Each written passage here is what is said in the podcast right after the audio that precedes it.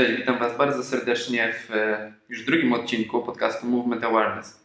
E, dzisiaj zaczniemy e, tą serię z gośćmi, tak jak ja zaczynałem swoją przygodę z treningiem, czyli z trenerem Rafałem Grogoszem.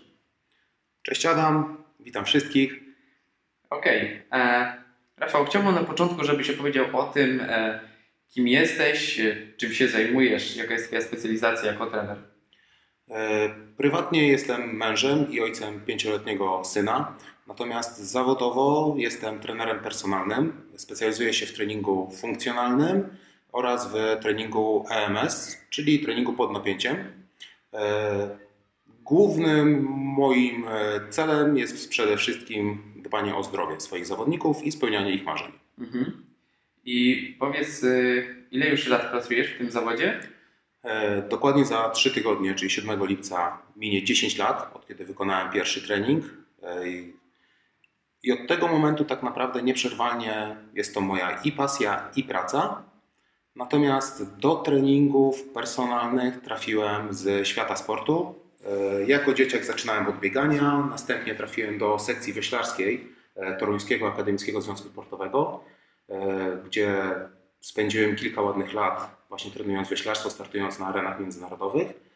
E, oczywiste dla mnie było, że w momencie zakończenia kariery sportowej mm, nadal będę osobą aktywną, a z racji, że bardzo lubię kontakt z ludźmi, poznawanie ich, rozmowę, to praca trenera personalnego wydawała mi się wspaniałym wyborem. I mhm. tak właśnie się stało. Mhm. Ja też właśnie pamiętam, jak e, ojciec mi zapisywał właśnie do Ciebie. Mówi, że ja Cię zapiszę do tego, bo to jest właśnie gościu, który na sporcie zjadł zęby i dlatego właśnie on będzie odpowiedni. E, a powiedz mi skąd, bo mówisz, że tutaj e, chciałeś być związany dalej ze sportem, ale jak to się zaczęło, że w ogóle zostałeś trenerem? Tak naprawdę kończąc karierę, mając ostatni rok przed sobą, e, kończyłem studia e, i wiedziałem, że trzeba rozpocząć nową ścieżkę w swoim życiu. E, do tego miałem i umiejętności, i tak naprawdę pasję. Czułem, że będzie to coś fajnego. E, nie było nic do stracenia. Tylko się przeprowadziłem z Torunia do Wocławka i rozpocząłem pracę. Mhm. I powiedz, e, skąd pomysł, żeby właśnie z Torunia przeprowadzić się do Wocławka? Bo w teorii to jest mniejsze miasto, nie? E, tak, wszyscy się śmieją, że to jest wielki krok w tył, natomiast e, Zawsze ja się śmieję, że przeprowadziłem się do żony, ponieważ moja żona jest z Wocławka, a prawda wygląda tak, że w klubie we Wocławku, który mnie zatrudnił, była to wtedy sieć biur, e, pracował mój kolega, e, który mnie tutaj ściągnął i wspólnie mieliśmy później wrócić do Torunia. On na stanowisko menedżerskie, ja jako trener. E, tylko, że ja już zostałem tutaj na stałe, ponieważ w swojej pracy miałem już tylu zawodników, że nie chciałem od nowa zaczynać wszystkiego, a tutaj się bardzo dobrze czułem. Okej. Okay. E, teraz e, z racji tego, że właśnie już trochę tych klientów przeleciało przez Twoje ręce, e, powiedz, jak z Twojego doświadczenia, mm, jacy klienci najczęściej do Ciebie trafiają? Czy to są osoby takie, które powiedzmy chcą fajnie wyglądać i tak powiem, są to osoby już w takim średnim wieku, czy to są raczej dzieci? Jak to u Ciebie wygląda? E, mam tak naprawdę pełen przekrój osób. E, moim aktualnie najmłodszym zawodnikiem jest 17-letni e, Michał, najstarsza zawodniczka to Danusia, która ma 67 lat, więc mhm. tych ludzi jest pełne spektrum. Najwięcej osób jest między 30 a 50 rokiem życia. Głównie są to osoby, które trafiają do mnie z polecenia innych moich zawodników, którzy już dłuższy czas ze mną ćwiczą więc już wiedzą, czego się tak naprawdę po mnie spodziewać w mojej pracy. Mm. Okej. Okay. E, powiedz, e, to jest podcast, który też właśnie krąży wokół e, takiej mm, tematyki trochę fizjoterapii, trochę teorii terapii ruchowej. O, tego nie zabrakło. Powiedz mi, jak często mm, u swoich podobiecznych zauważasz powiedzmy dysfunkcje aparatu ruchu, czy różne kontuzje, bo wiadomo, ciężko jest teraz, kurczę, e, żeby trafić na osobę zdrową, nie? Taką w 100% sprawną. E, znaczy, ja w swojej karierze nie spotkałem się z osobą, o której nie ma nic do poprawienia. Lekarze mówią, że nie ma osób zdrowych, są tylko jeszcze niezdiagnozowane prawidłowo. I tak samo wygląda to u nas. E, dzisiejszy tryb życia mm, w ciągłym biegu, cały czas na siedząco, ciągle w samochodzie, za biurkiem, e, powoduje to, że nasze ciało się zastało i większość osób ma właśnie problem z mobilnością, e, czyli z zakresami ruchów prawidłowymi, przez co najczęściej później narzekają na bóle, czy to w kręgosłupie, czy w stawach. Drugą grupą osób, które mają problem, mm, głównie ze stabilnością, są kobiety, czyli po prostu ich mięśnie są o wiele za słabe do trzymania swojego ciała na co dzień i u nich jest e, z kolei to problemem. E, tak naprawdę to są chyba największe mhm. problemy u tych osób. Okej. Okay. Powiedz, z czego sądzisz, że właśnie wynikają takie e, problemy tych przykurczów, braku mobilności i tak dalej? Tak jak wspomniałem, tryb życia to, że my spędzamy 8 godzin za biurkiem, do którego jedziemy z samochodem w wygodnym fotelu, wsiadamy do wygodnego fotela, znowu wracając do domu. E, już nie idziemy do ogródka e, sadzić swoich warzywek, chodzić koło swoich świnek i krów, tylko wpadamy na szybko do sklepu, robimy zakupy, po czym siadamy w wygodnej kanapie i przecież należy nam się dzień wolny już, więc wieczór spędzamy w wygodnej kanapie przed telewizorem, po czym idziemy do łóżka, śpimy, a na ruch zostało zero bo zamiast wejść po schodach wolimy wjechać windą, e, zamiast przejść się z dzieckiem na spacer wolimy bardzo często niestety włączyć mu grę albo bajkę i tak niestety mija nam cały dzień. Mhm, tak, i całe dnie jesteśmy zasiedzeni albo leżymy, a później jak się porwą na aktywność fizyczną, to idą z grubej rury e, zaraz na bieganie, później a tu kolano mnie boli, tu mnie plecy bolą, mówią później, że e, bieganie jest złe, nie? że rozwala kolana. E, zdecydowanie tak, no właśnie to o czym wspomniałeś, właśnie nie zaczynamy powoli, pomału, tylko od razu chcemy wrócić do formy, którą mieliśmy 10-15 lat temu, a niestety to już było, minęło i trzeba od nowa to zbudować po takim czasie. E, właśnie sporą też grupą osób, które mają problemy z różnego typu kontuzjami, mm, są osoby, które półzawodowo, półamatorsko startują w triatlonie, w bieganiu e, i mają tak mocno upchany kalendarz e, swoimi treningami, że nie mają czasu, mm, poza oczywiście specjalistycznymi treningami, na przykład biegowymi, e, zrobić zwykłej siłowni, gdzie by ruszyli górę ciała, gdzie by się mhm. porozciągali, zrobili rolowanie, rozluźnili te mięśnie. E, na to nie ma czasu, bo trzeba wyrobić kolejne kilometry. Tak, dokładnie. I to jest, mi się wydaje, też, nie chcę powiedzieć problem, natomiast stanowi to ograniczenie, nie? Bo ludzie, którzy dajmy biegają, często mm, mają takie mniemanie, że żeby dobrze biegać, muszą dużo biegać. Ciężko się z tym nie zgodzić. Natomiast mogą dużo poprawić swoje wyniki poprzez właśnie głupie wzmocnienie pośladka czy innych mięśni, które właśnie biorą udział w tym biegu, nie? E, tu akurat przetoczę słowo mojego trenera Mariusza Szumańskiego, który mówił, że co z tego, że masz najsilniejsze nogi na świecie i najsilniejsze ręce na świecie, skoro twój brzuch nie jest w stanie utrzymać twojego ciała, prawidłowej pozycji i nie jesteś w stanie przełożyć tego. Jeśli będą bolały Cię plecy, nigdy nie zrobisz przysiadu z sztangą, na której jest dużo kilogramów założone. E, jeśli codziennie wstajesz i coś Cię boli, jesteś ograniczony, to tak naprawdę nie jesteś sprawny do końca. A w dzisiejszym świecie to właśnie najbardziej nas ogranicza. Brak sprawności takiej podstawowej. Mhm. Tak. A powiedz mi, czy klienci, którzy do Ciebie przychodzą, bo już sobie powiedzieliśmy, że jeszcze nie trafiłeś na nikogo, kto by był tak w pełni sprawny. Ja z Tobą się zgadzam, w mojej praktyce też e, jeszcze nie spotkałem osoby, która by była w 100% sprawna. E, czy ci ludzie zdają sobie sprawę z tego, jakie mają problemy? Poruszyłeś bardzo ciekawy temat, Adam. E, z mojego doświadczenia wygląda to tak, że przychodzą osoby, które coś boli i one chcą coś z tym zrobić i nie idą do fizjoterapeuty, ponieważ wychodzą z założenia, że muszą się ruszyć i bardzo często to jest dobry ruch. Drugą grupą osób są takie, które przychodzą i nawet nie wiedzą, że to się boli do czasu, aż e, się to nie poprawi. Okazuje się, że po kilku ćwiczeniach czy po dwóch, trzech treningach one mogą inaczej oddychać, e, mogą sięgnąć dalej ręką, obudziły się dzisiaj bez bólu pleców, który cały czas występował. One się przyzwyczaiły już do tego bólu, który po prostu jest dysfunkcją. Mhm. Dokładnie tak. Ja też zauważyłem, że to dochodzi do tego momentu, gdzie nawet dzieci, które mają po 15 lat, już mają problem, żeby e, gdzieś przebiec się daleko, bo i bolą kolana, i bolą plecy i tak dalej, bo mm, tak jak mi się wydaje, że u osób, które mają po 30-40 lat, no to już wynika po prostu z tego, że ta praca jest siedząca cały czas. A dzieciaki, które mają po 15 lat, nie dosyć, że mają ograniczony ruch, to jeszcze cały czas siedzą i w szkole, i później nad książkami i tak dalej. I u nich to też stanowi duży problem, który będzie dalej się pogłębiał nie? w perspektywie lat. Moja opinia jest podobna. Największy taki, mm, powiedzmy, skok w tył następuje, kiedy dzieci idą do szkoły i siadają w ławki. E, dziecko, które ma 5 czy 6 lat, robi rewelacyjny przysiad. E, ono jest e, bardzo mobilne, bardzo sprawne. Jego ograniczenia wynikają tylko z powodu tego, że jeszcze ciało nie nauczyło się wszystkich ruchów. I mięśnie nie są tak silne do wykonania niektórych rzeczy.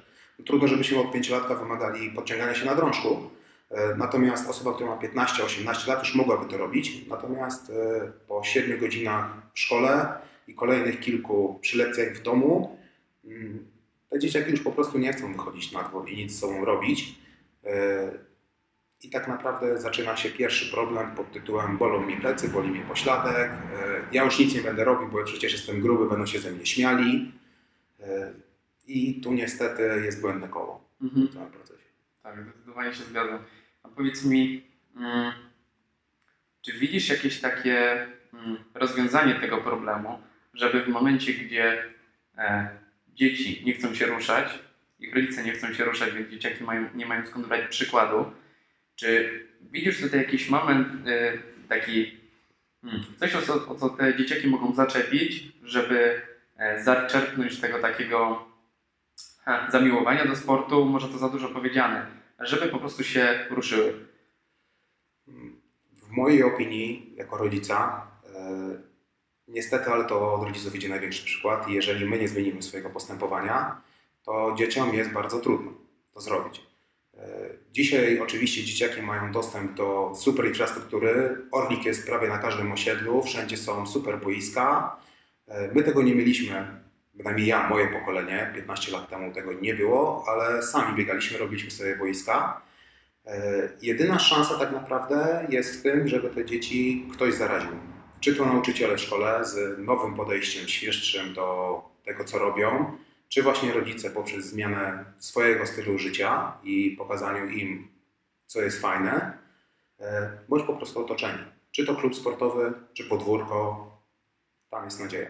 Mhm, ja już teraz się nawet spotykam e, z tym, że dzieciaki nie mają w ogóle WF-u w szkole, tylko muszą przynosić zaświadczenia o tym, że jakiś sport uprawiają czy to podpis z basenu, czy z siłowni, czy z jakiegoś innego miejsca, gdzie w teorii powinny coś robić, a w praktyce ja dobrze wiem, że to wygląda różnie, nie? No, to jest ciekawe, co mówisz, bo faktycznie tak widać. Szczególny ten trend jest właśnie u dziewczyn, e, bo nie chcą się pocić. E, u chłopaków bardzo często jest tak, że na WF-ie nie ćwiczą, bo te lekcje często są przeprowadzane w sposób nieatrakcyjny, natomiast przychodzą wszyscy na siłownię później. E, szczególnie już e, końcowe klasy liceum, gdzie chłopacy zwracają uwagę na to, jak wyglądają.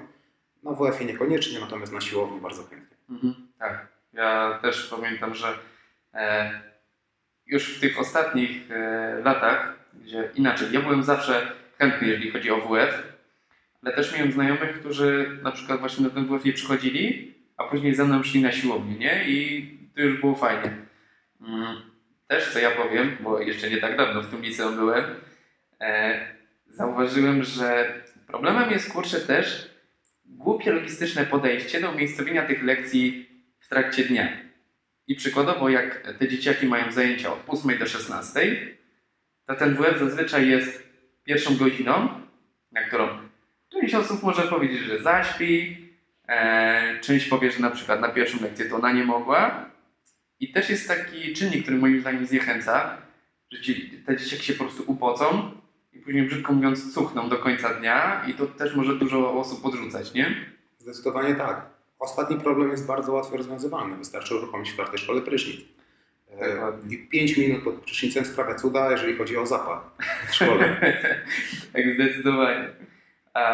Okej, okay, Rafał, powiedz mi jeszcze, mm, czy na przykład podczas y, konsultacji, kiedy już zbadasz sobie e, osobę i widzisz, że przykładowo ma jakiś problem gdzieś tam z biodrem i tak dalej, i ta osoba o tym nie wie, to w jaki sposób mm, wytłumaczysz tej osobie, że to jest ważne w kontekście tego, e, jak ona będzie wyglądała, jak ona się będzie czuła i tak dalej, bo bardzo dużo osób często przychodzi po prostu po to, żeby wyglądać lepiej, nie? nie niekoniecznie im zależy na tym, żeby, nie wiem, e, mieli większą rotację w biodrze, nie? E, zacznę od tego może, jak ja rozpoczynam w ogóle współpracę z nową osobą. Na początku zbieram bardzo szeroki wywiad, jeżeli chodzi o wszelkie możliwe urazy, kontuzje, schorzenia, ograniczenia. E, I wtedy osoba często sobie uświadamia tak naprawdę, że coś się boli, że coś w ogóle tam jest w tym ciele, co niekoniecznie jest dobre. E, zdarzają się osoby, które już wtedy zapalają sobie światełko, zróbmy coś z tym. Są takie, które, tak jak powiedziałeś, zostawmy to na boku, to nie jest istotne, najważniejszy jest mój brzuch. E, I teraz e, ja bardzo lubię pracować na porównaniach, obrazować ludziom, więc jak one mówią, że chcą ważyć tyle i tyle konkretnie, ja się pytam, czy one chcą dobrze wyglądać, czy chcą mało ważyć. I tutaj jest kolejna lampka, bo okazuje się, że ta waga ma drugorzędne znaczenie, one chcą dobrze wyglądać. Więc ja się pytam, czy dobrze wyglądający Quasimodo, który ma garba, to jest to, czego one chcą od życia. Okazuje się, że nie do końca. Mimo, żeby Quasimodo miał dobrze zbudowane barki, miał dużą klatę i silne nogi, to ten garb trochę przeszkadzał. I właśnie wtedy się pytam, czy to twoje bolące kolano, na które będziesz kuśtykał, czy biodro, czy kręgosłup, to będzie to, czym chcesz się charakteryzować ze swoją sylwetką, mimo że jest sześciopak na plaży. Mhm, tak, dokładnie. E, ja też podam taki przykład. Miałem e, klienta, młody chłopak, e, trzy przepukny kręgosłupa, generalnie spora otyłość. E, zaczęliśmy współpracować. No i kurczę, chłopak nie był w stanie podnieść ciężarka 4-kilowego z ziemi. Mówię tutaj o martwym ciągu z mocnego podwyższenia, takiego na 30 cm. No i tutaj był kurczę spory problem na samym początku. Natomiast pracowaliśmy, pracowaliśmy. Okazywało się, że na przykład po miesiącu waga stała i mówi mi, Adam, kurwa, no, no jest słabo, nie? Ale zaczęliśmy sobie sprawdzać wagę na, e, na, na analizatorze na, nie? Tak, tak, tak. Na tym analizatorze, gdzie pokazywało ilość tłuszczu i mięśni. I okazywało się, że tam jest poprawa, waga stoi w miejscu, całkowicie. No i mówimy, okej. Okay. Ale dla mnie ważniejsze było to, że ten chłopak po dwóch miesiącach już podnosił 40 kg z ziemi po 12 razy i nie stanowiło to żadnego problemu, nie? Dodatkowo gdzieś tam jakieś bóle pleców i tak dalej to schodziło. Ten chłopak się dużo lepiej czuł. No i właśnie, mm, zdał też sobie już później, e, powiedział mi, że wiesz co, okej, okay, wizualnie ja wiem, że to się będzie poprawiało, ale dla mnie jest w tym momencie najważniejsze, że jest taka poprawa, nie? W tym, jak ja się czuję i tak dalej. Bo też mi się wydaje, że bardzo ważne jest... E, ludzie chcą mieć komfort w życiu i taki fizycznie zapewniony i psychiczny, że oni kurczę będą się po prostu dobrze ze sobą czuli.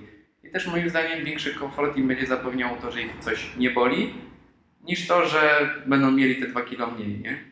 Dokładnie tak. Myślę, że też rola trenera mm, sprowadza się do tego, żeby uzmysławiać, tłumaczyć ludziom to, czego nie chcą usłyszeć tak naprawdę, a czego potrzebują, żeby mieli to, czego chcą.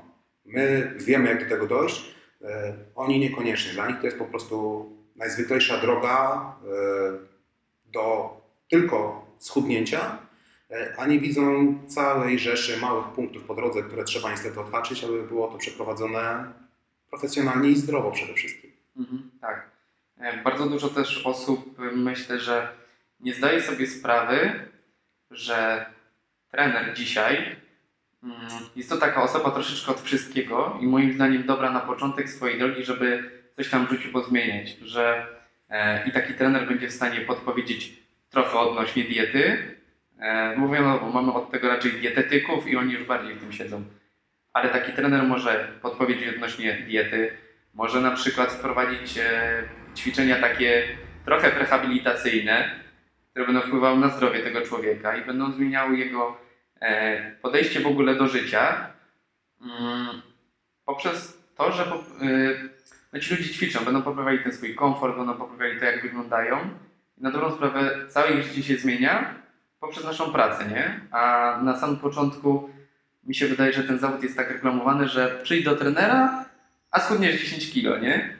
E, mi się wydaje, że jest błędny obraz tego wszystkiego, ponieważ e, nie rozróżniamy trenera i trenera personalnego. Trener jest w klubie sportowym. Jego zadaniem jest wytrenowanie zawodowca, który może sobie pozwolić na 15 czy 18 treningów w tygodniu. E, jego pozostałymi obowiązkami jest jedzenie jedzenia, które on przygotuje stołówka i spanie. To jest przeważnie koniec jego zajęć.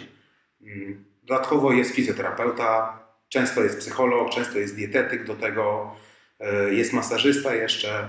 Jest sztab osób, które pracuje na sukces tej osoby i trener faktycznie wtedy jest tylko od tego, nazwijmy, żeby rozpisać konkretny plan i przypilnować go, jak to wszystko ma wyglądać.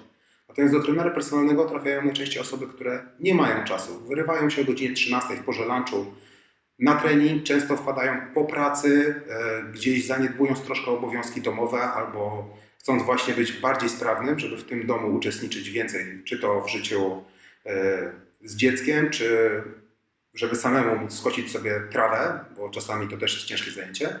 I trener personalny to jest osoba łącząca sobie i osobę trenera, psychologa, dietetyka, e, musi umieć zmotywować, gdzieś nacisnąć jakieś guziki i wziąć pod uwagę przede wszystkim, że ten człowiek po treningu e, nie ma czasu pójść na dwugodzinną drzemkę i zjeść obiadu, on najpierw musi pojechać kupić jej rzeczy na ten obiad. Jak wróci do domu, to często tego obiadu nie zje, bo już tam czeka na niego sztab rzeczy, które musi zrobić i tak. Mhm, dokładnie.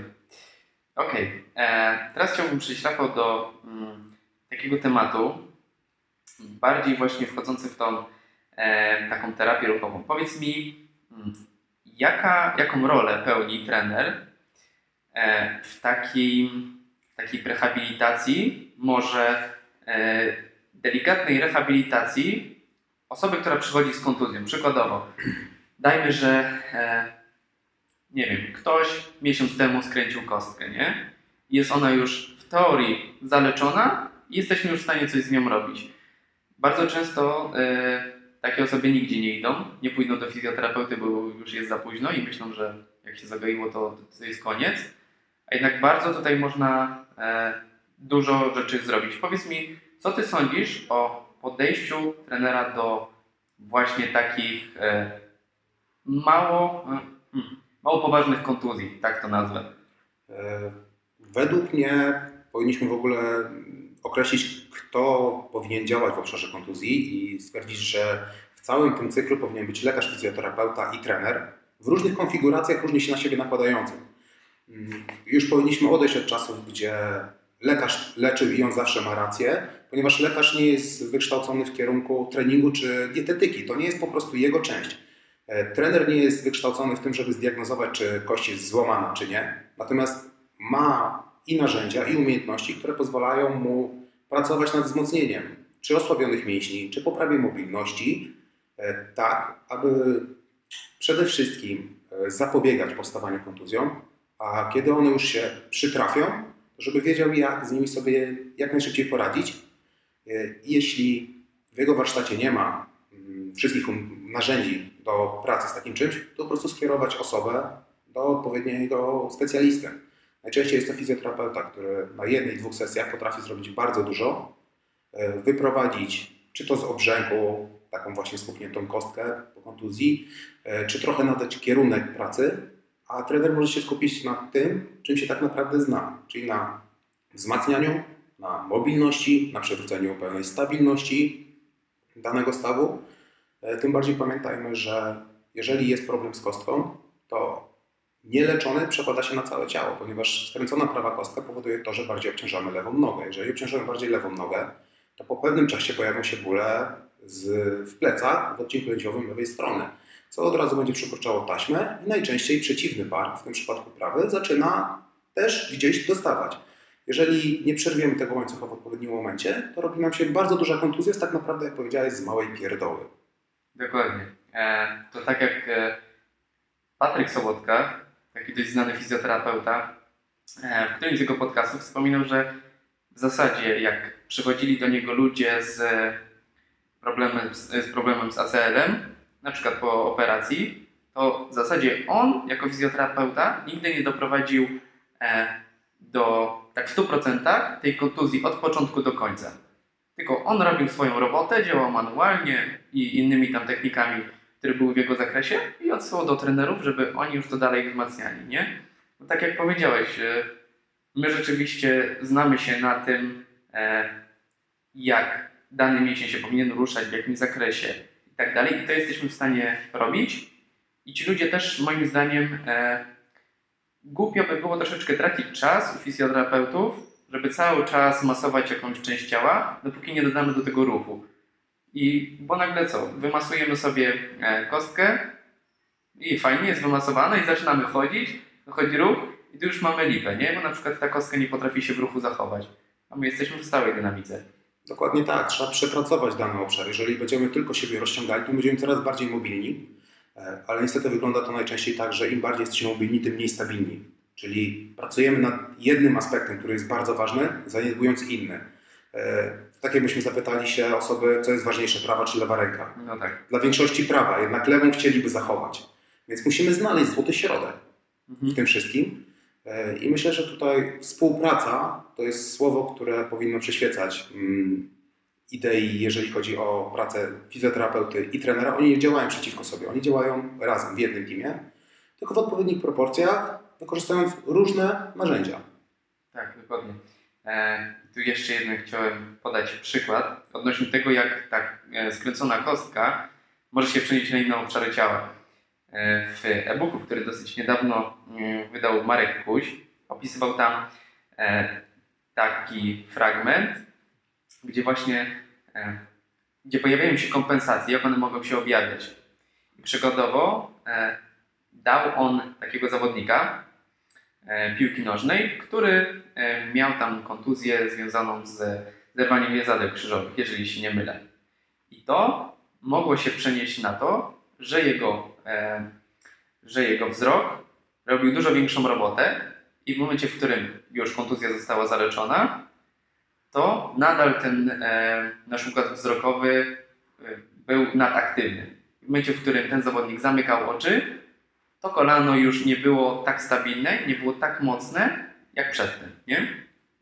Bardzo ciekawa zależność, co też mi się wydaje, coraz więcej osób e, rozmawia o tym, jakie oko ma znaczenie w ogóle w kontekście naszego ruchu, e, ale myślę, że to jest nadal, nadal jeszcze nie, nie do końca poznane, jak to w 100% funkcjonuje.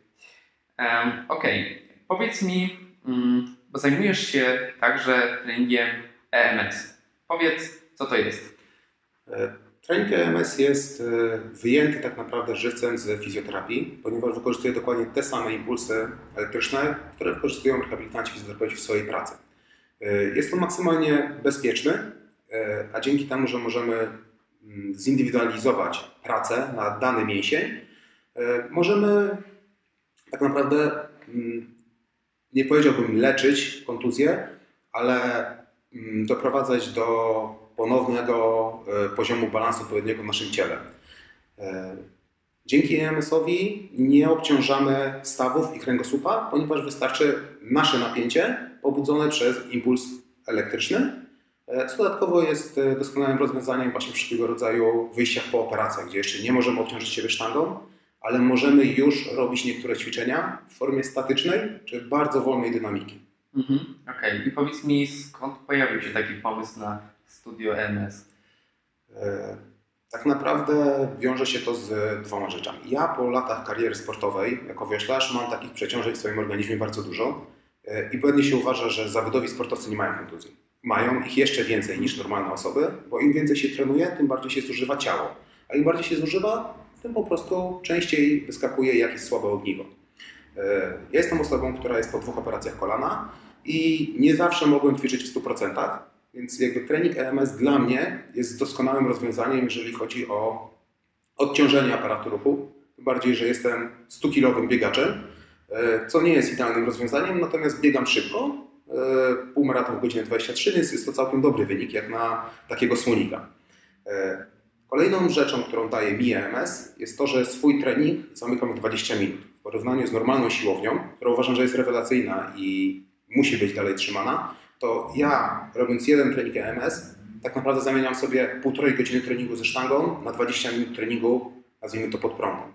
Co w napiętym grafiku jest naprawdę dużą oszczędnością czasu. Okej. E, Powiedz mi, czy uważasz, że u przykładowo osoby takiej rekreacyjnej wystarczyłoby zastosować właśnie taki trening EMS, czy fajnie byłoby to przeplatać także z takim e, standardowym, klasycznym treningiem na siłowni z ciężarami? E, Ja jestem w ogóle zdania, że dwa treningi w tygodniu to jest e, takie minimum przyzwoitości, które powinniśmy mieć. E, Dobrze, jakby tego roku było więcej. Więc jeżeli zakładamy, że ćwiczymy raz na MS-ie, to wypadałoby raz pójść na siłownię, na basen, na bieg, na rower, na to, co każdy z nas lubi. Bo każdy sport jest dobry, tylko musi być zbilansowane wszelkie niedobory, które on nam przynosi. Jeżeli biegamy, to zaniedbana jest góra. Jeżeli pływamy, to najczęściej gdzieś cierpią y, mięśnie stabilizujące, więc warto by było uzupełnić to w różnej formie. Okej, dobra, czyli taki e, trening EMS sam w sobie dobrze by było uzupełniać też różnymi innymi aktywnościami. Oczywiście, że tak. My zresztą e, sami zalecamy w pracy z naszymi zawodnikami. Każdy nasz zawodnik dostaje taką mini rozpiskę do domu ćwiczeń rozciągających, rozluźniających, które pomogą mu wyjść właśnie z tych urazów, e, a dwa przywrócą prawidłową mobilność, co bezpośrednio ma wpływ na prewencję urazów.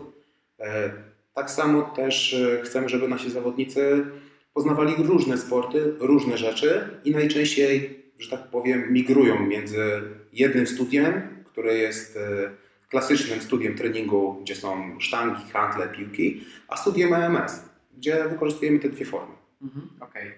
E, I powiedz mi mm, w przypadku e, takiej właśnie już troszeczkę rehabilitacji, powiedz w jakim miejscu umieściłbyś ten trening EMS? Czy na przykład, tak jak wcześniej powiedziałeś, zastosowałbyś go na początku u osób, które, które mają, e, są powiedzmy po operacjach i później przyjść na ciężary, bo wiadomo, że chyba nie wszystkie jesteśmy też w stanie wykonać e, przy takim urządzeniu, nie? Na przykład wykorzystać pełen zakres ruchu. E, Tutaj, Adam, sytuacja wygląda w ten sposób, że bardzo mocno m, pracujemy nad podstawą, nad postawą ciała i świadomością tego, jak mięśnie się napinają. E, Nie zrobimy tutaj wszystkiego, natomiast możemy przećwiczyć wszystkie mięśnie e, w pełnych zakresach ruchu, bo jesteśmy w stanie zawsze dociągnąć łokieć maksymalnie nisko, bądź rękę wyprostować maksymalnie wysoko dla naszych danych możliwości. E, I wtedy możemy impuls skierować dokładnie w miejsce, którego y, wymaga trening, aby przyniósł on prawidłowy efekt. E, Wszystko tylko zależy od umiejętności i wiedzy trenera. My nie uważamy, że maszyna EMS to jest jakaś czarna magia albo złoto, do którego wystarczy przyjść, popatrzeć się i ona robi cuda. E, Za tą maszyną stoi trener, który tak naprawdę ma wiedzę i umiejętności i to od niego głównie zależy, czy prawidłowo go wykorzystam, bo w mojej opinii jest to tylko narzędzie, jedno z wielu, które mam w wachlarzu i wykorzystuję do różnych rzeczy. Natomiast jest to narzędzie fenomenalne, ponieważ pozwala mi często robić rzeczy, których na normalnej siłowni nie jestem w stanie zrobić. Okej. A powiedz mi, mm, jak w ogóle ludzie podchodzą do takiego treningu EMS, jak przychodzą pierwszy raz? Oni się boją, że nagle prąd ich kopnie, czy jak to wygląda? E, Właśnie tak jak powiedziałeś, trening EMS jest jeszcze nieznany, nie jest jeszcze spopularyzowany. Bardzo dużo osób myśli, że to jest e, jakaś zupełnie inna część treningu, jakiś odłam. Tak jak powiedziałem, jest to po prostu narzędzie. Takie same jak sztanga, tylko działające trochę inaczej. E, Kiedyś wchodziły taśmy TRX i ludzie nie wiedzieli, jak tym zrobić, bali się, że się zaplączą na tym, będą tak wisieli do zamknięcia siłowni. Tak samo jest tutaj. Osoby przychodzą, boją się, że coś im się stanie. Są przeciwwskazania, m, przy których trening EMS nie jest wskazany, natomiast większość osób normalnych jest w stanie go zrobić i dużo łatwiej sobie z nim poradzi niż z klasycznym treningiem na siłowni, ponieważ e, tutaj trener zawsze jest jeden na jeden, e, zawsze trzyma naszą postawę, a dzięki temu, że nie ma dodatkowych akcesoriów w postaci handli czy piłek, e, skupiamy się tylko na pracy naszych mięśni. Mm, Teraz tak e, sobie pomyślałem, że to jest też fajna opcja dla osób, które często boją się ciężarów, bo ja się spotykam z tym, że panie przychodzą na treningi i one chcą fajnie wyglądać, ale ta mm, sztanga, kurde, to jest takie duże, ja się poobcieram, nie wiem czy ja to uniosę i tak dalej. A tutaj, tak jak powiedziałeś, nie ma dodatkowych akcesoriów i można poprowadzić trening całego ciała. Dokładnie tak. Panie bardzo często się boją, jak widzą ciężarek, że nagle staną się wielkie jak kulturyści. To jest jeden z mitów, który krąży, ponieważ my już wiemy, że ciało kobiety trochę inaczej funkcjonuje i wystarczy po prostu zastosować troszkę inny bodziec, żeby to wszystko wyglądało inaczej. E, Tak samo panuje mit, że dzieci nie powinny ćwiczyć z ciężarami. E, Oczywiście do pewnego wieku nie powinny ćwiczyć i nie z ciężarami, które są nieprawidłowo wy- wykorzystywane w treningu. To sama sytuacja jest w EMS-ie. Okej. E, Powiedz mi, Rafał, w takim razie, bo powiedziałeś, że jeszcze to nie jest e, rozwinięta w Polsce forma treningu. E, jak Ty sądzisz, jak to będzie wyglądało w następnych, najbliższych latach pod względem i takiego treningu e, czysto rekreacyjnego i pod względem przykład takiego treningu e, prewencji urazów, czy już ich takiego delikatnego e, zaleczania? Przede wszystkim na początku powiem, że my gonimy Zachód. Dzisiaj w Niemczech jest kilkanaście razy więcej studiów wykorzystujących trening EMS niż u nas, więc jestem przekonany, że ten trend po prostu przyjdzie do nas i sieci EMS staną się integralną częścią większości siłowni i będą naprawdę stanowiły duży odsetek rynku, który jest e, rynkiem sportu i fitnessu. Natomiast jeżeli chodzi o umiejętności treningowe i możliwości wykorzystania go w fizjoterapii czy prewencji urazów. E, Znowu wszystko sprowadza się do tego, jak osoba za konsolą to zrobi. E, Znam fizjoterapeutów, którzy mają mm, EMS u siebie w gabinetach, korzystając z nich. Przy pomocy tego, typu urządzeń wyprowadzają ludzi z kontuzji, wzmacniają. E, Natomiast to nigdy nie będzie tak, że e, wyprzemy siłownię. My idziemy po prostu ramię w ramię, tak naprawdę, bo dbamy o to samo. Dbamy o zawodnika, który chce się ruszać, tylko chce sobie wybrać inną formę zajęć. E, Nie każdy facet, który idzie na siłownię, chce ćwiczyć ze sztangami. Są mężczyźni, którzy chodzą na zajęcia z cyclingu, są tacy, którzy idą na zajęcia fitness zorganizowane. I również są kobiety, które tym, na te zajęcia fitness nie chodzą, bo im się to nie podoba, natomiast idą na strefę z wolnymi ciężarami. Co nie jest zbyt popularne, ale tak się dzieje. Okej, dobra. E, dziękuję Ci bardzo, Rafał, za dzisiaj. E, chciałbym, żebyś, żebyś jeszcze powiedział, gdzie można Cię znaleźć, zarówno w internecie, jak i stacjonarnie. E, Dzisiaj razem jesteśmy w studiu treningu EMS na Zielonym Rynku we Wrocławku. E, Nasze drugie studio znajduje się na ulicy Cichej, gdzie ćwiczymy z tymi sztangami. Natomiast e, w internecie jesteśmy pod adresem trenujemyrazem.com. Okej, super. Dziękuję Ci bardzo jeszcze raz i do usłyszenia w następnym odcinku podcastu. Cześć. Cześć.